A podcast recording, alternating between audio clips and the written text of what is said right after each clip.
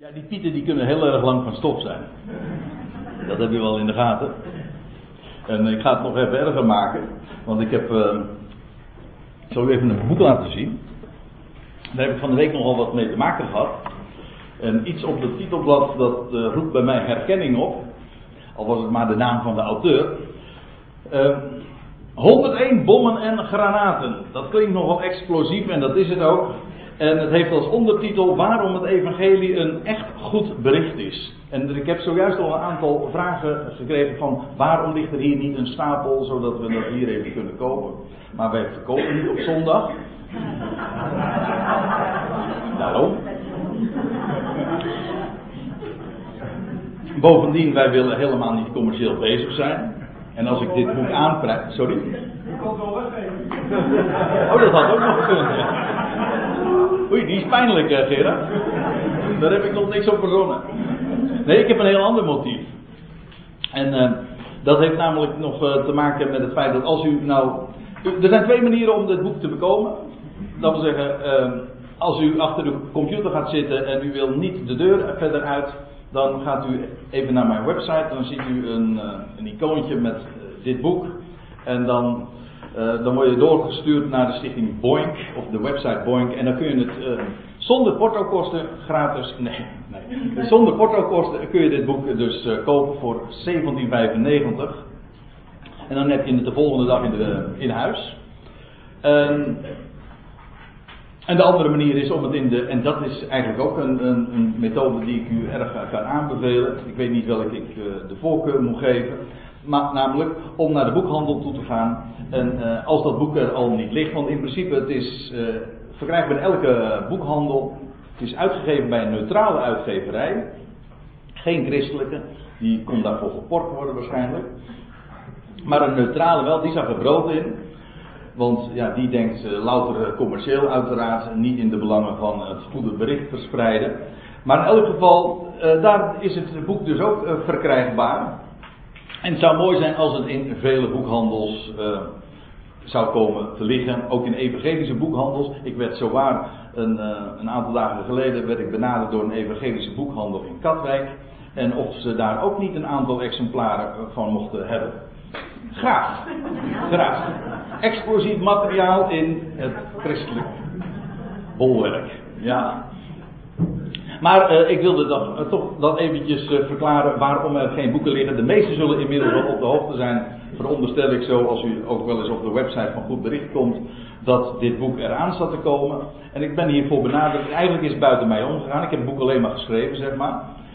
Nee, ik bedoel, ik heb ooit stukjes voor mijn website geschreven en die zijn verzameld door iemand en die heeft gevraagd: mag dat in boekvorm uitkomen? Nou, graag.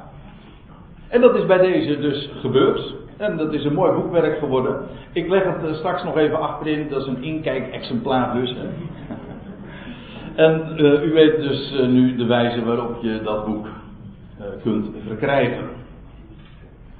Nou, tot zover deze reclame. Ik ga niet zeggen van harte aanbevolen. Dat moet een ander maar doen. En dan komt nu eindelijk dat waar ik graag vanmorgen uw aandacht voor wil vragen. En dat is een gedeelte uit de Bijbel. En u ziet het, dat is Psalm 21. En ik heb daarbij gezet, het is een kroningslied. Nou hebben we daar nogal uh, vrij recentelijk ervaringen mee opgedaan, met kroningsliederen. En die kunnen nogal erg aan bederf onderhevig zijn. Zelfs voordat de kroning plaatsvond, en ik ga er even van gemakshalve vanuit dat de actualiteit niet de laatste weken aan u voorbij is gegaan. Zelfs voordat de kroning plaatsvond, was het lied al bedorven. En er was van alles aan te merken, niet zozeer op de melodie als wel. Nou ja, ook trouwens nog. Ja, dat is ook nog een hele toestand geweest. Maar ook uh, op de, de tekst. Maar ik ga u vanmorgen uh, meenemen naar een kroningslied, echt een kroningslied, dat de tijd getrotseerd heeft inmiddels zo'n 3000 jaar geleden gecomponeerd door iemand die zelf koning was. Maar het prachtige is, hij schreef een lied, Psalm 21, en dat gaat niet eens over zijn eigen kroning. Wellicht met de herinnering. Eigenlijk is het zo dat ja, David, we gebruiken die uitdrukking wel eens. Over je eigen schaduw heen springen. Nou, dat, daar heb ik een hele mooie variant van. Dat is feitelijk wat David hier doet. Over zijn eigen schaduw, want hij was zelf een, hij is een schaduw van hem die zou komen. Wel, hij springt over zijn eigen schaduw heen en hij verwijst in, dit, uh, in deze passage in Psalm 21 naar de man die uit zijn lendenen, dat is ook een uitdrukking elders in de Bijbel, die uit zijn lendenen zou voortkomen. Uit, zijn, uit het koningshuis van David, de Davidische dynastie. En over die koning gaan we het hebben. Dit is een profetische psalm. Dat hoeft u niet te verbazen, dat zijn alle psalmen. En die gaan niet primair over David, dat is slechts een schaduw. Het gaat over de zoon van David. Het is trouwens opmerkelijk dat deze psalm volgt, nou dat is op zich niet opmerkelijk, eh, dat het eh, volgt op psalm 20, maar deze beide psalmen horen bij elkaar. Als u dat uh, ook ziet in de opschrift, dan valt dat al direct op. Namelijk, het opschrift boven Psalm 20 is de bede om overwinning van de koning. En als u de, het opschrift van Psalm 21, ik heb het nu even over de MBG-vertaling. Als u dan ziet het opschrift boven de 21ste psalm, danklied na de overwinning. Dus dit is de bede om de overwinning. En dit is het danklied na de overwinning. Dat blijkt ook wel als je bijvoorbeeld het vijfde vers van Psalm 20 ziet. Dan staat er: Hij geeft u naar uw hart en doe al uw plannen in vervulling gaan. Dat is een bede, een verzoek. Een hartstochtelijk verzoek mag ik wel zeggen. En, maar als je daarentegen Psalm 21 leest, dan staat er in vers 3, we komen er straks over te spreken. Zijn hartewens hebt gij hem geschonken. Voltooid. Dat is inmiddels gebeurd en vandaar dat dit een danklied is. Maar beide psalmen hebben alles met elkaar te maken. Ik bepaal u vanmorgen bij deze 21ste psalm. En laten we maar gewoon bij het begin beginnen. Het zijn geloof ik 12 of 13 versen. Dus we zullen niet al te zeer stil kunnen staan bij alle details. Maar ik wil een totaal overzicht geven in de mij gegeven tijd over uh, van deze psalm.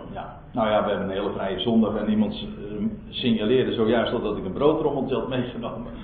En had daaruit de conclusie getrokken dat we dit wel een hele lange samenkomst zou gaan worden.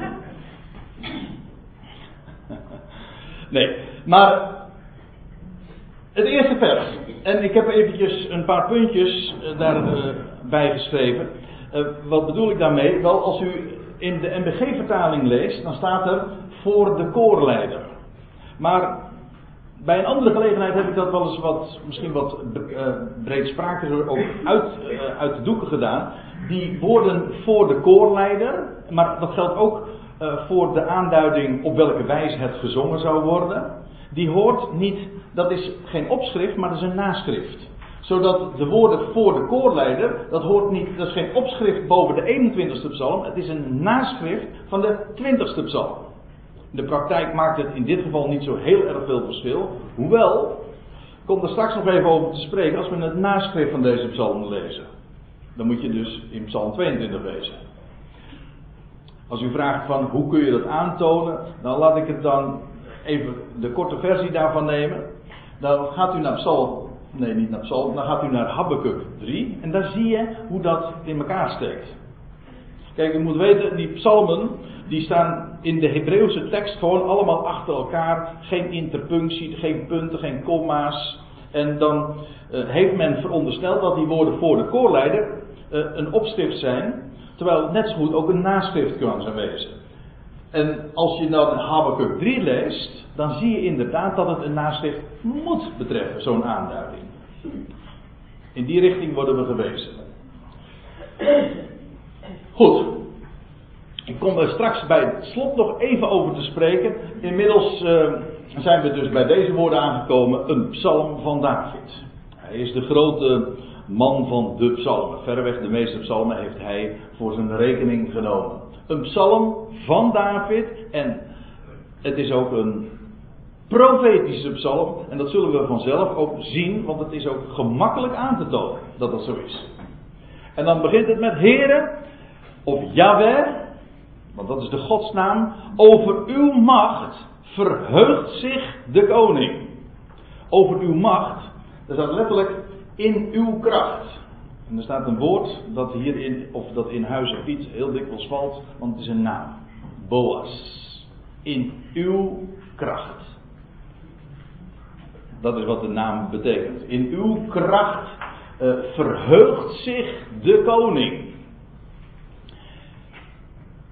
Opmerkelijk, ik, ik vraag u eventjes om deze woorden te onthouden, en dan, want we zullen straks deze woorden nog een keer tegenkomen aan het slot van de psalm. Er zit een wonderlijke symmetrie, eh, ook in deze psalm, zoals zo heel dikwijls. Dat wil zeggen, het begin correspondeert met het einde. En het wijst zo allemaal naar het midden. Prachtige structuren komen, worden openbaar op het moment dat je daar aandacht aan gaat geven. Jawel, over, eh, of in uw kracht verheugt zich de koning, hoezeer juicht hij over uw heil. Of in uw redding. Heil is het Hebreeuwse, het Hebreeuwse woord daarvoor, dat is gewoon redding. Maar ik zal u nog wat vertellen. Het Hebreeuwse woord, dat is Yeshua. Hier, u ziet hier Yeshua.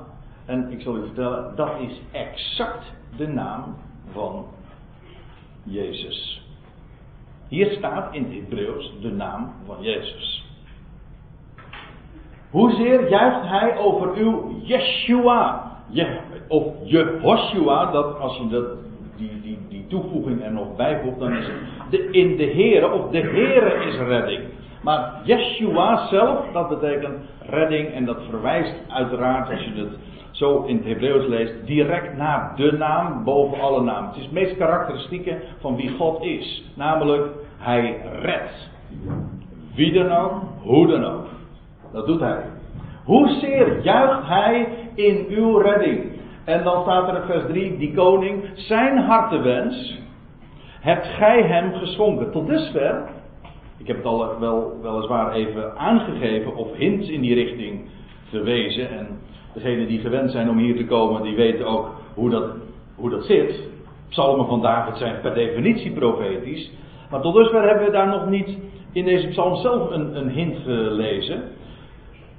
Over wie heeft hij het nu eigenlijk? Maar in elk geval wordt er van die koning gezegd: Zijn hartewens hebt gij hem geschonken.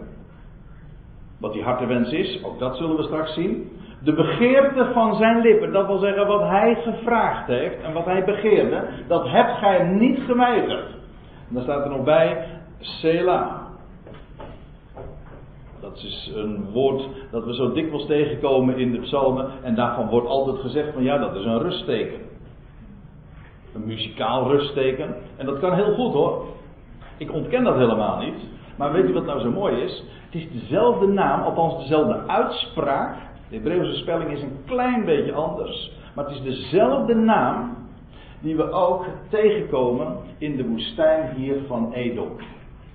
En dan noem ik een naam die ook al in Huizen Piet heel dikwijls valt, namelijk de naam Petra. U moet dit weten, dat woord Sela, met die uitspraak, is ex. Dat is het Hebreeuwse woord voor rots. Als je het op zijn Grieks zegt, dan zeg je Petra. Als je het Nederlands zegt, dan zeg je rots. Het is allemaal hetzelfde.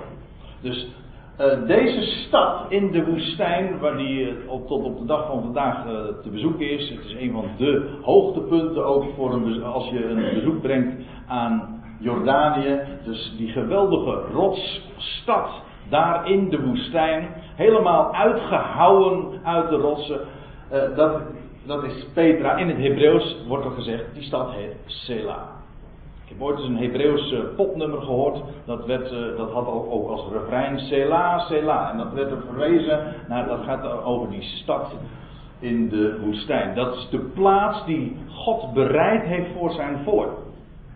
Als een, een plaats die in de toekomst. Ik ga er niet te veel over zeggen. Ik wil alleen maar even op wijzen dat die plaats in de toekomst voor Israël nog een grote rol zal spelen als een, een, een rest zal vluchten naar de woestijn. En daar staat er in, bijvoorbeeld in openbaring 12, al daar heeft ze een plaats van God bereid. En ze zal daar onderhouden worden 1260 dagen lang. Een veilig, veilig in de rots zal ze daar zijn. Een stad, en daar wordt ze bewaard. Dat is een, een, een machtig onderwerp om daarover te spreken, maar ik geloof dat dit muzikale teken, Sela, ook verwijst naar die stad. Ga maar eens na. Waar, die, waar dat woord iedere keer dan voorkomt in de psalmen, en trouwens ook in het boek Habakkuk. Heel dikwijls zie je ook die connectie naar de, de plaats dat de Heere zijn volk bewaart. O Heere, gij zijt mij een schuilplaats. Zela, staat er dan bijvoorbeeld in de psalmen. Ja, Sela is die schuilplaats. Daar zal ze bewaard worden. Nou ja. Zonder dat nu nog uitgebreider toe te lichten, ik wil jullie er wel heel graag even op attenderen. Dan kunnen we bij een andere gelegenheid er misschien nog eens wat uitgebreider op, op terugkomen. Want uh, er staat dus, zijn hartenwens heeft gij geschonken, de begeerte van zijn lippen hebt gij niet geweigerd, want staat er, gij, gij, God, treedt hem tegemoet met rijke zegeningen en gij zet een kroon van fijn goud op zijn hoofd. Het gaat hier dus over die koning die gekroond is, niet door mensen, maar door God zelf. Gij treedt hem tegemoet en gij zet hem een kroon van fijn goud op zijn hoofd. Waarbij fijn goud, ja, dat is het zuiverste goud, maar goud is een embleem ook van onvergankelijkheid, van heerlijkheid. Het meest kostbare wat we hier in deze wereld aan materiaal hebben. Maar het is ook onvergankelijk. Het is niet zoals ijzer en de meeste metalen die, die, uh, die roesten en vergaan. Nee, goud is een onvergankelijk metaal. En daarom een gouden kroon, dat spreekt van een bekroond met onvergankelijkheid. Als je het beeld ziet, dan begrijp je ook meteen waar het over gaat. En ik zeg het ook zo omdat het daarover gaat. Omdat het daar daadwerkelijk hier ook over gaat. Deze koning wordt onvergankelijk gemaakt. Hij wordt bekroond door God met onvergankelijkheid. Hij is de koning, maar niet zomaar één. Hij ontvangt van Gods wegen fijn, een bekroning op zijn hoofd van fijn goud. Nou, en dat het daar daadwerkelijk over gaat, dan dat blijkt uit, de vijfde, uit het vijfde vers met name. Want, let op, David spreekt en schrijft hier profetisch. En dan staat er, leven vroeg hij van u. En gij gaaft het hem, en dan staat erbij, lengte van dagen voor altoos en immer. Of letterlijk voor de aion en verder. Nou, dat is toch een leven dat geen ene koning hier bezit. Ook David niet. En ik weet wel, de psalmen hebben de reputatie, algemeen trouwens geldt dat voor bijbelwoorden, vooral voor poëtische passages en boekwerken. Dan staat er, ja dat is, dat is de, de stijlfiguur van de hyperbool, van de overdrijving. David die overdrijft in zijn uitspraken. Leven vroeg hij van God en gij gaaft het hem voor de Aion en verder. Nou, inmiddels is David, met, met Petrus te spreken, uh, is al lang en breed uh, overleden. Die man is 70 jaar geworden en, zijn, en Petrus zegt dan in Handelingen 2 tegen zijn volksgenoten, nou en zijn graf die is, dat is bij ons tot op vandaag. En inderdaad, je kunt zo naar het graf van David toe gaan. Dus David, hoezo? Heeft hij leven ontvangen voor altoos en immer? Gaat dit over David? Nee, natuurlijk niet. Maar zegt David, zegt Petrus dan in Handelingen 2, en ik, ik zinspeel er nu even op, en u moet er zelf maar eens naartoe gaan. Petrus zegt dan heel vanzelfsprekend, en het is een, een, een ijzeren conclusie. David sprak niet van zichzelf, want op hemzelf is het niet van toepassing. Als je de woorden neemt zoals ze zich aandienen, kan het niet over hemzelf gaan. En dan zegt, en dan zegt daar Petrus over die woorden: Wacht even. David was een profeet. En hij heeft in de toekomst gezien en gesproken over iemand die uit zijn lendenen zou voortkomen, die inderdaad zou leven voor de Aion en verder en leven van God kreeg. En waar we het dan over hebben, is over het geopende graf. Toen Davids zoon opstond uit de doden. Toen kreeg hij leven. Hij vroeg het, je leest het ook hè. Dat de Heer Jezus in zijn dagen in het vlees ook aan God gevraagd heeft: leven. God, het is zelfs zo, Jezus heeft in zijn, gedurende zijn weg hier op aarde, op, op zijn God vertrouwd. Hij heeft zich herkend in de schriften. Hij wist, ik ben deze man. Van wie al de schriften getuigen. En hij is de weg in geloof gegaan. Hij heeft, zich, hij heeft het zich allemaal laten welgevallen. Hij is aan het kruis gegaan. Maar hij wist, God is het die mij zal opwekken uit de doden. En mij leven zal geven voor de aion en verder. Daar komt geen einde aan. Echt leven dus. Dat de dood trotseert. Zodat deze 21ste psalm, met name dit vers, laat ook zo duidelijk zien. Het gaat hier over de koning, de Davidische koning, maar wel uiteraard de zoon van David, de Mashiach, die inderdaad met fijn goud, onvergankelijk leven, bekroond is voor de Aion en verder. Kan niet missen. Zodat deze psalm echt profetisch is. Psalm 16 is ook zo'n psalm, ook van David, en daar lees je, want gij geeft mijn ziel niet prijs aan het dodenrijk, nog laat gij uw gunstgenoot verderf zien. Ook een psalm van David.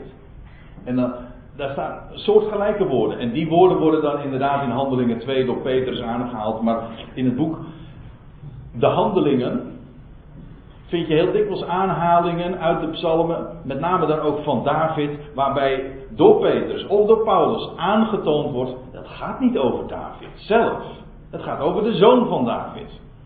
Want neem alleen al deze woorden. Uit die psalm die er een paar uh, hoofdstukken aan vooraf gegaan is. Gij geeft mijn ziel niet prijs aan het dodenrijk, nog laat gij uw gunstgenoot verderf zien. Nou, David is wel degelijk begraven en van zijn lichaam is niks meer overgebleven. Is, heeft ontbending gezien. Maar, zegt uh, David dan in Psalm 16, Gij maakt mij het pad van het leven bekend. Overvloed van vreugde is bij uw aangezicht, liefelijkheid is in uw rechterhand voor de Aion. Nou, wat ik er maar mee wil zeggen is dit. David is een profeet en hij spreekt over de zoon van David.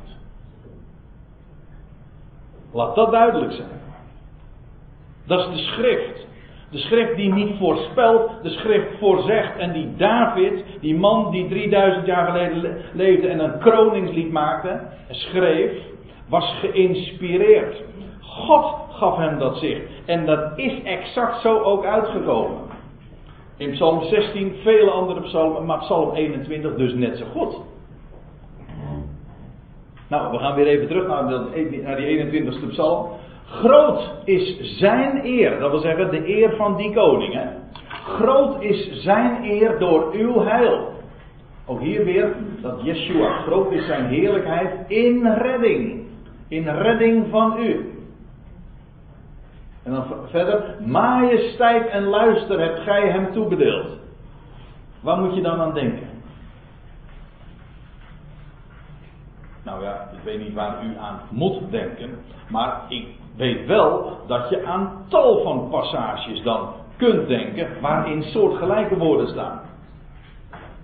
Hier is het David die schrijft over een koning die van God leven vraagt en die het ook daadwerkelijk van God krijgt voor de Aion en verder.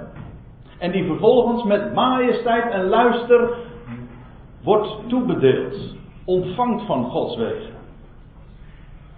Het is nog niet zo heel erg lang geleden dat we uh, op een zondagmorgen als deze over Psalm 8 hebben gesproken. Ook een psalm van David.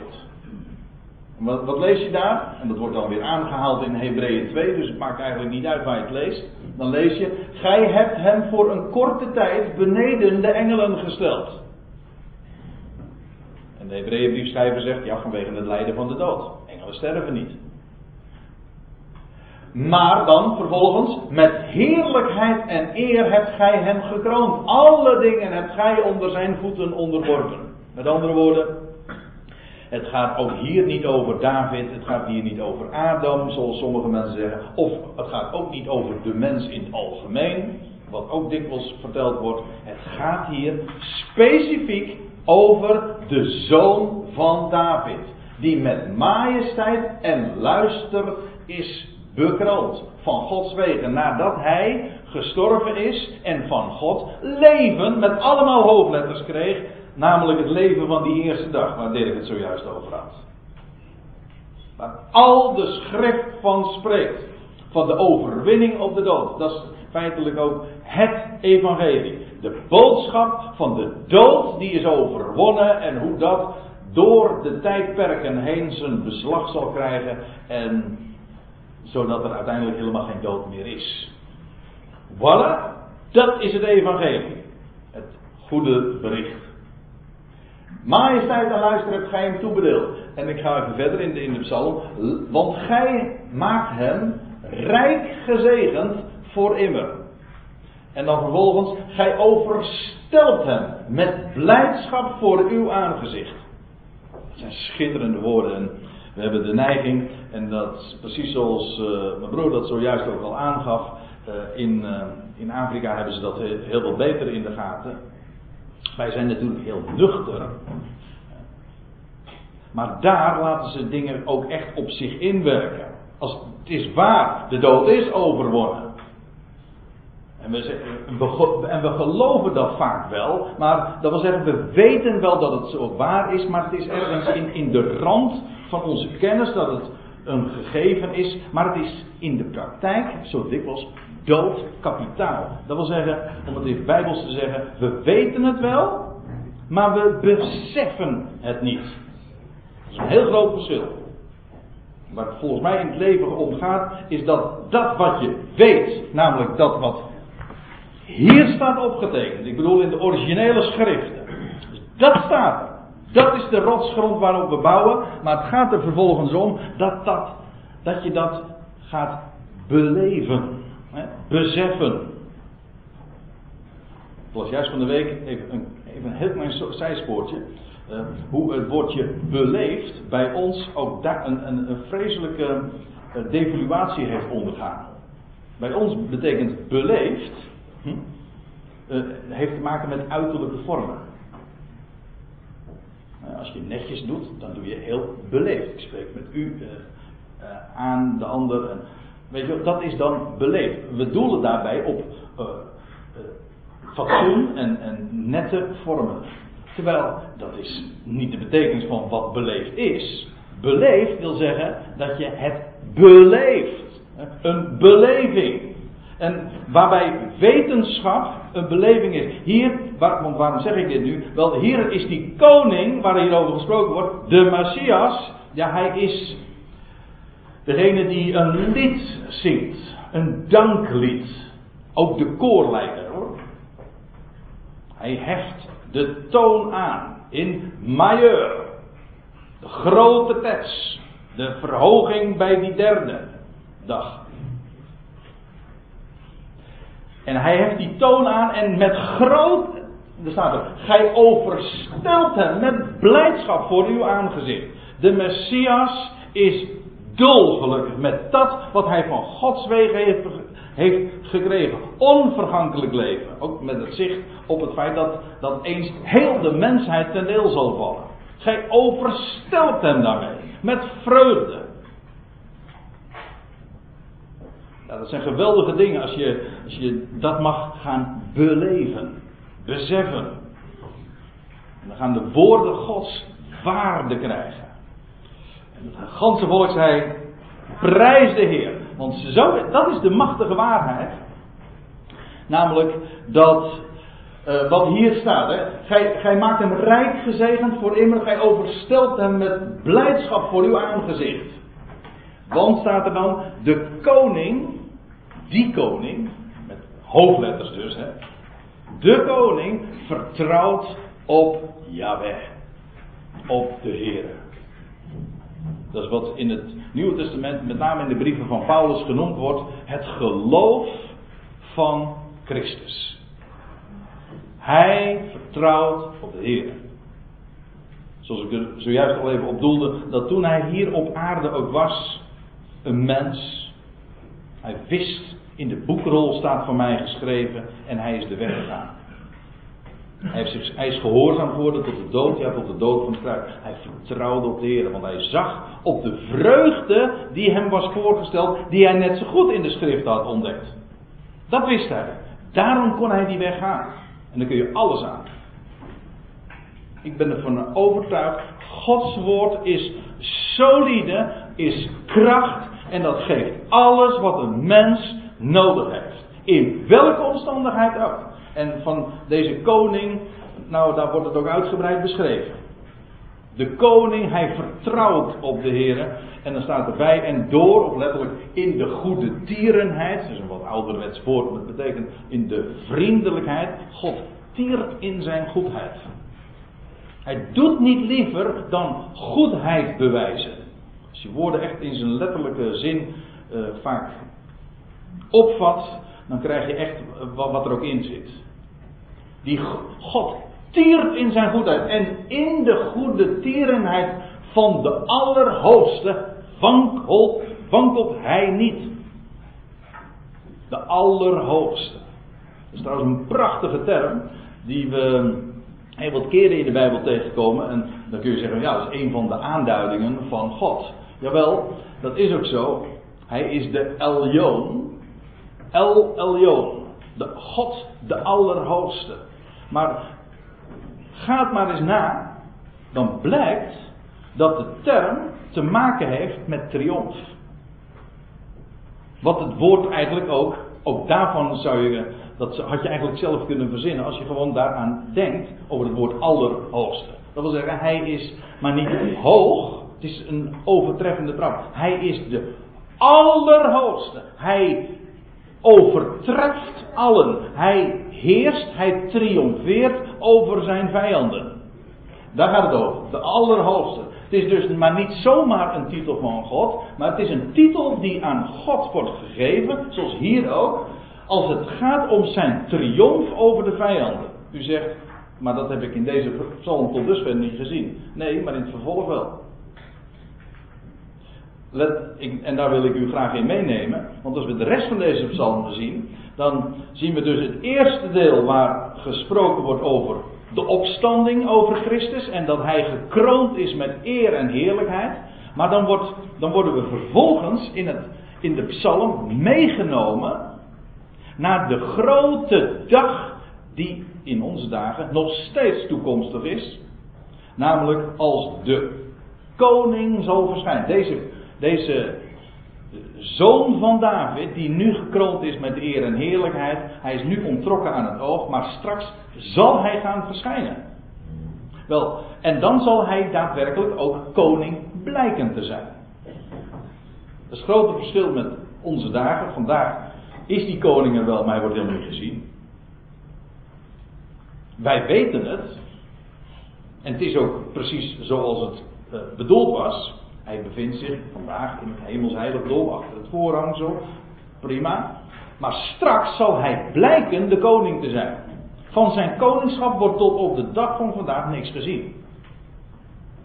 En het loutere feit dat hij vandaag heerst in genade bevestigt wat ik zeg. Want als hij heerst in genade betekent dat hij niet ingrijpt. Nou, en dus wordt er niks gezien van zijn koningschap. Hij grijpt, hij grijpt namelijk niet in. Hij laat alles geworden.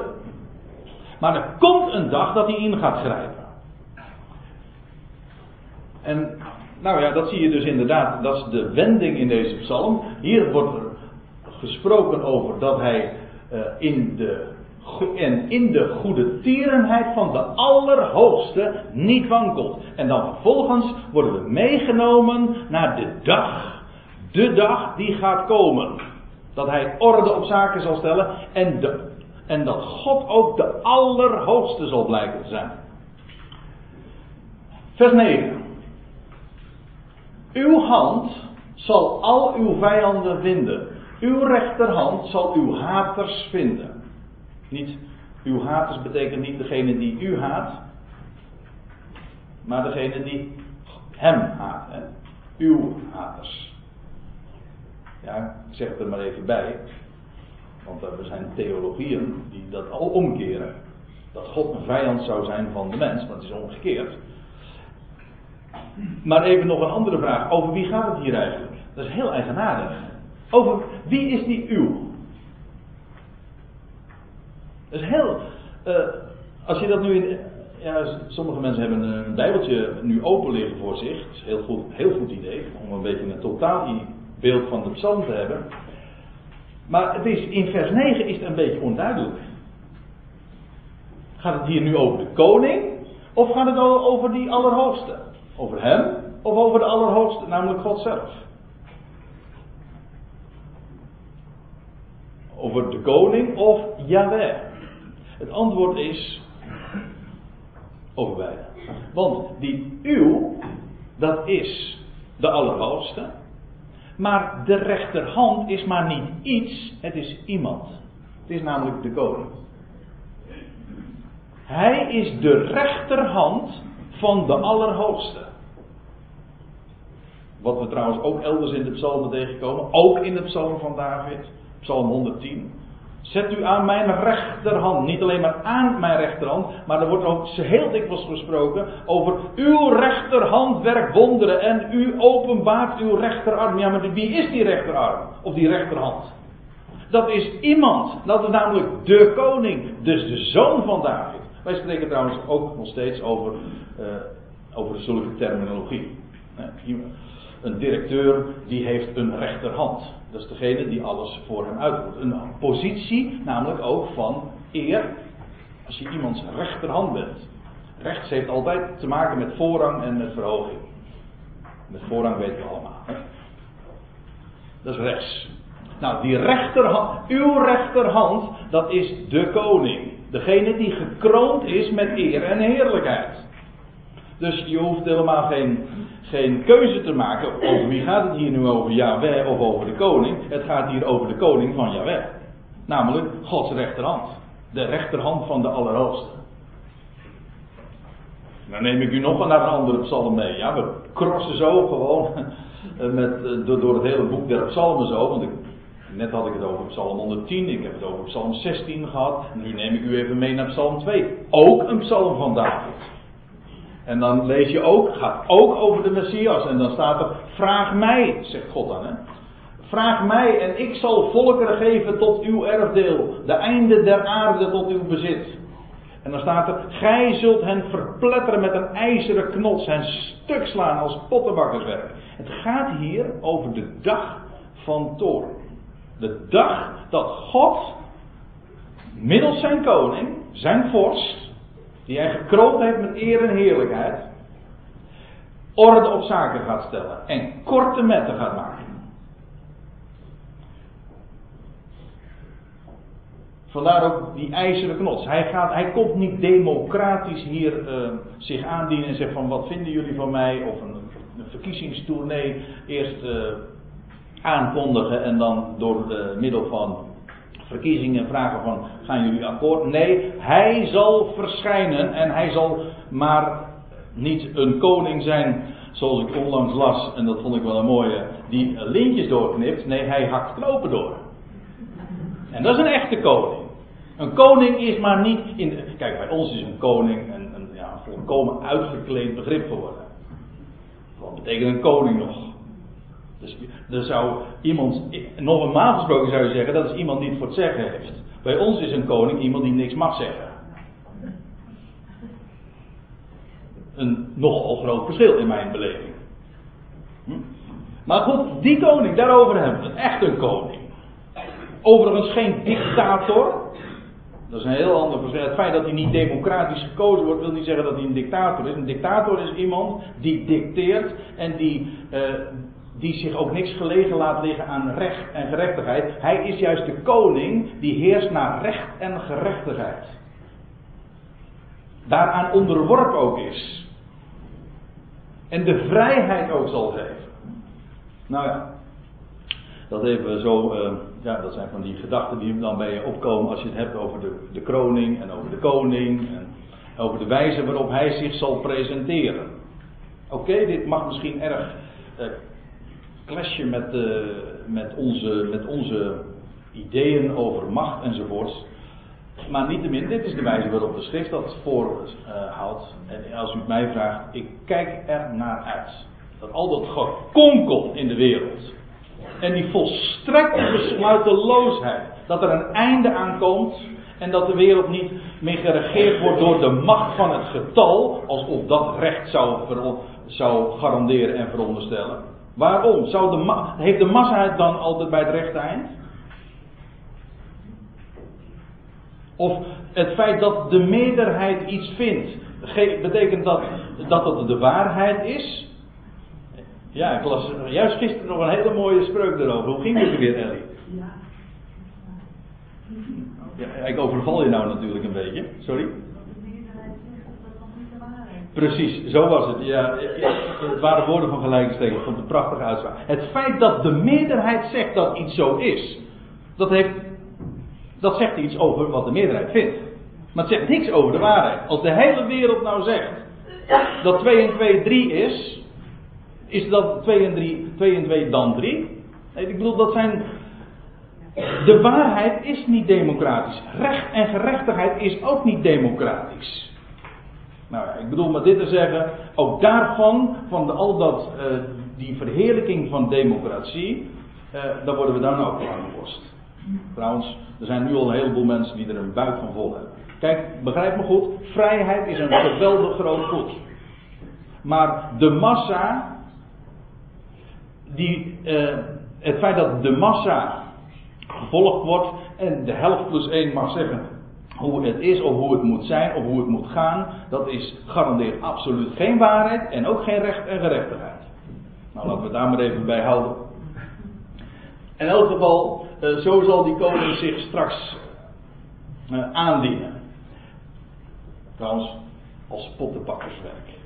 Hij gaat er iets nieuws van maken. Want dat is wat een pottenbakker ook doet. Vers 10. Gij zult hen, en gaat het hier over de Heer zelf, dat blijkt.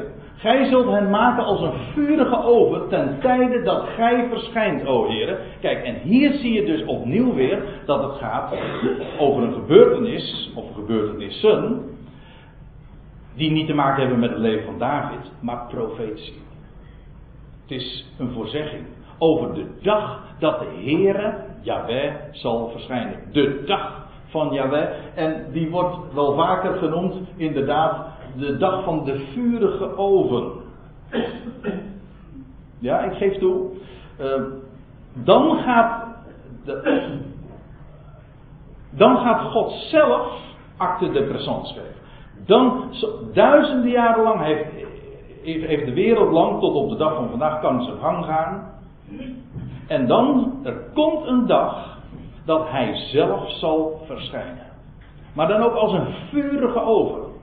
Dat zijn woorden die eh, in Malachi 4 vers 1 wordt dat ook letterlijk zo gezegd. Matthäus 25, 2 Thessalonicense 1 vers 8, maar het zijn zomaar drie schriftplaatsen die ik noem. Ik kan nog veel meer schriftplaatsen noemen. En, dat, daarvan hebben we misschien de neiging om te denken van nou dat is uh, bij wijze van spreken. Ik geloof dat het letterlijk zo is.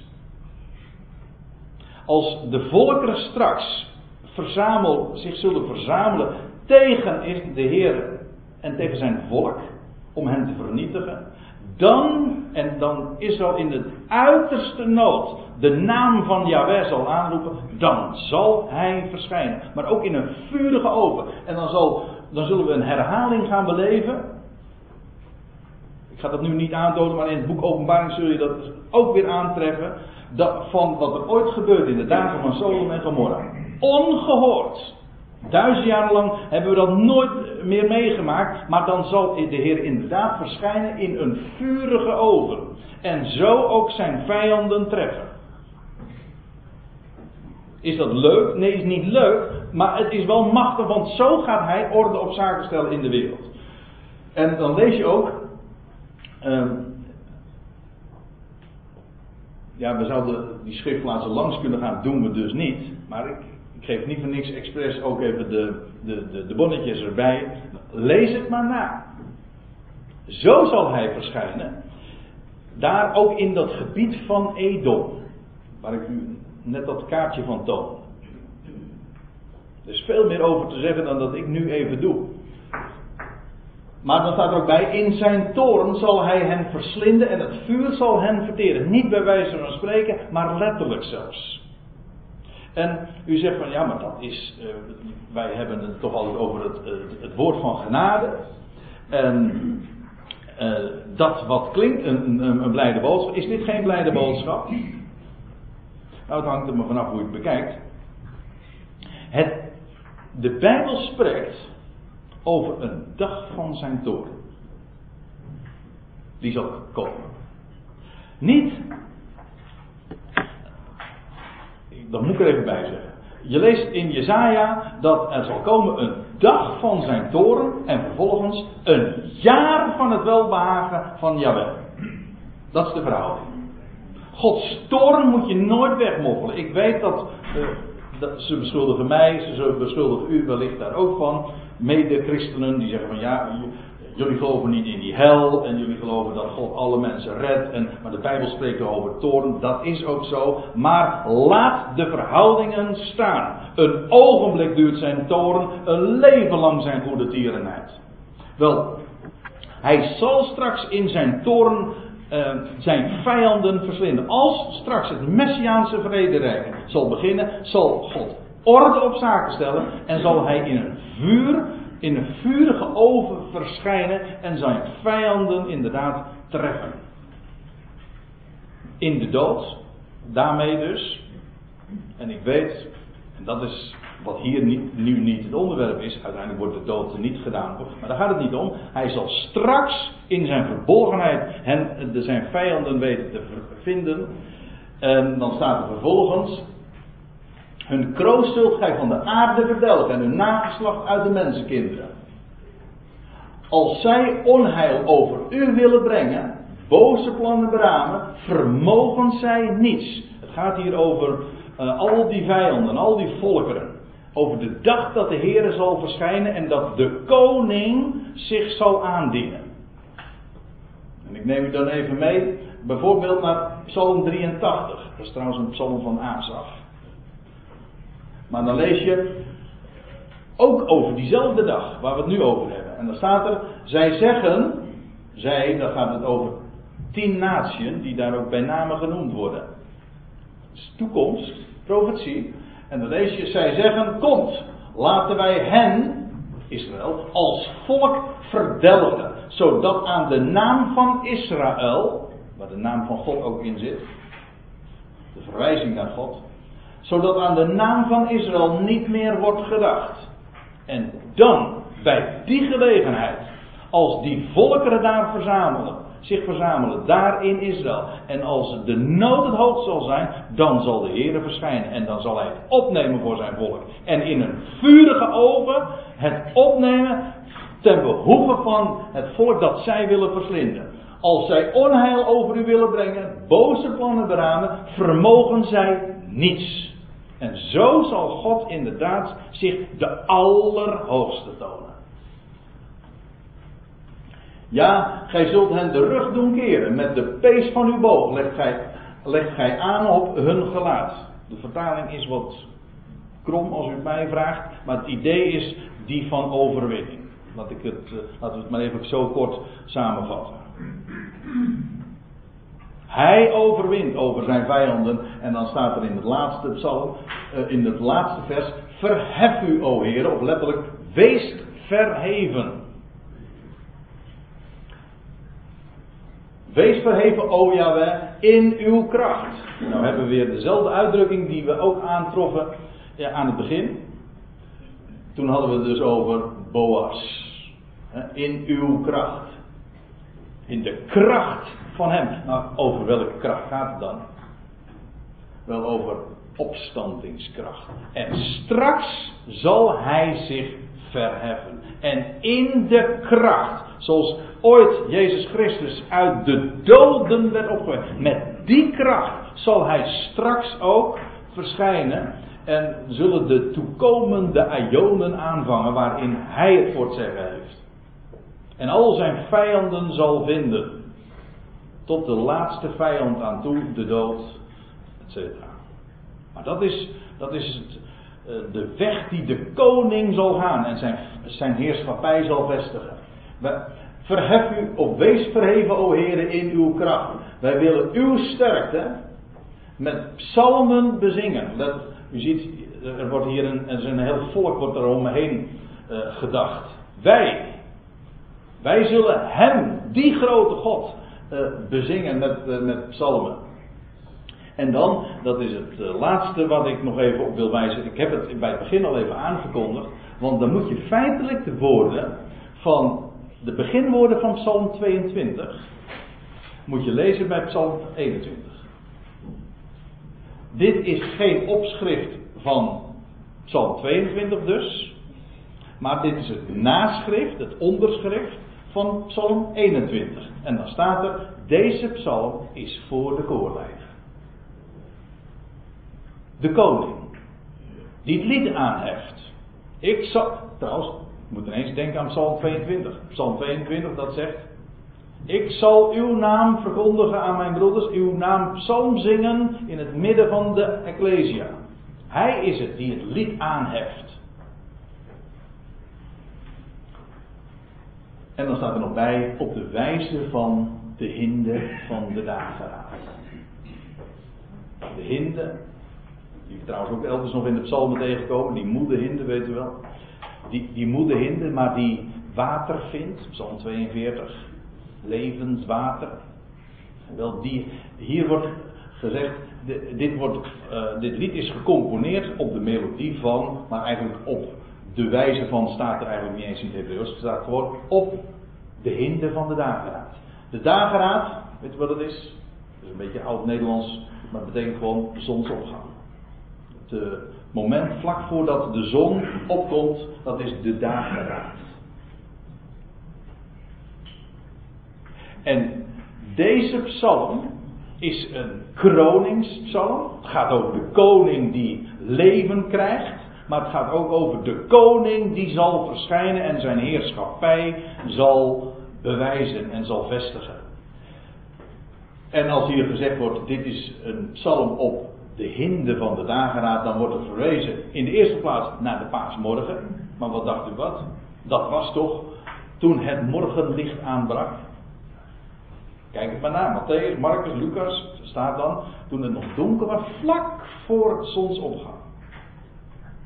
Of bij zonsopgang, bij de dageraad. Toen het morgenlicht, een heerlijk morgenlicht brak aan. Ja, inderdaad. De hinde van de dageraad. Daar gaat het over. Toen hij gekroond werd met leven. Met fijn goud.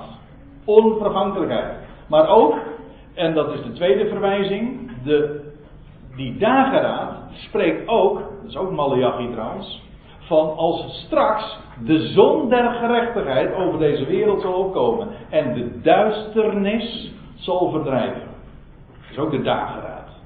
Zodat je, de dageraad heeft hier een, een dubbele klank. Een, precies de dubbele klank die we ook in deze psalm tegenkomen. Aan de ene kant de verwijzing naar paasmorgen, de dag dat hij opstond, in zijn kracht, en vervolgens naar de dag, nadat de nacht van deze wereld voorbij is. En dat God zal verschijnen in lichtglans. Letterlijk. De zon der gerechtigheid komt op. Zodat deze psalm ons ja, spreekt. Dat kan niet missen. Van de zoon van David. Aan wie wij alles hebben te danken. Van wie geen zoetsappig beeld wordt geschilderd. Absoluut niet. Maar zo machtig.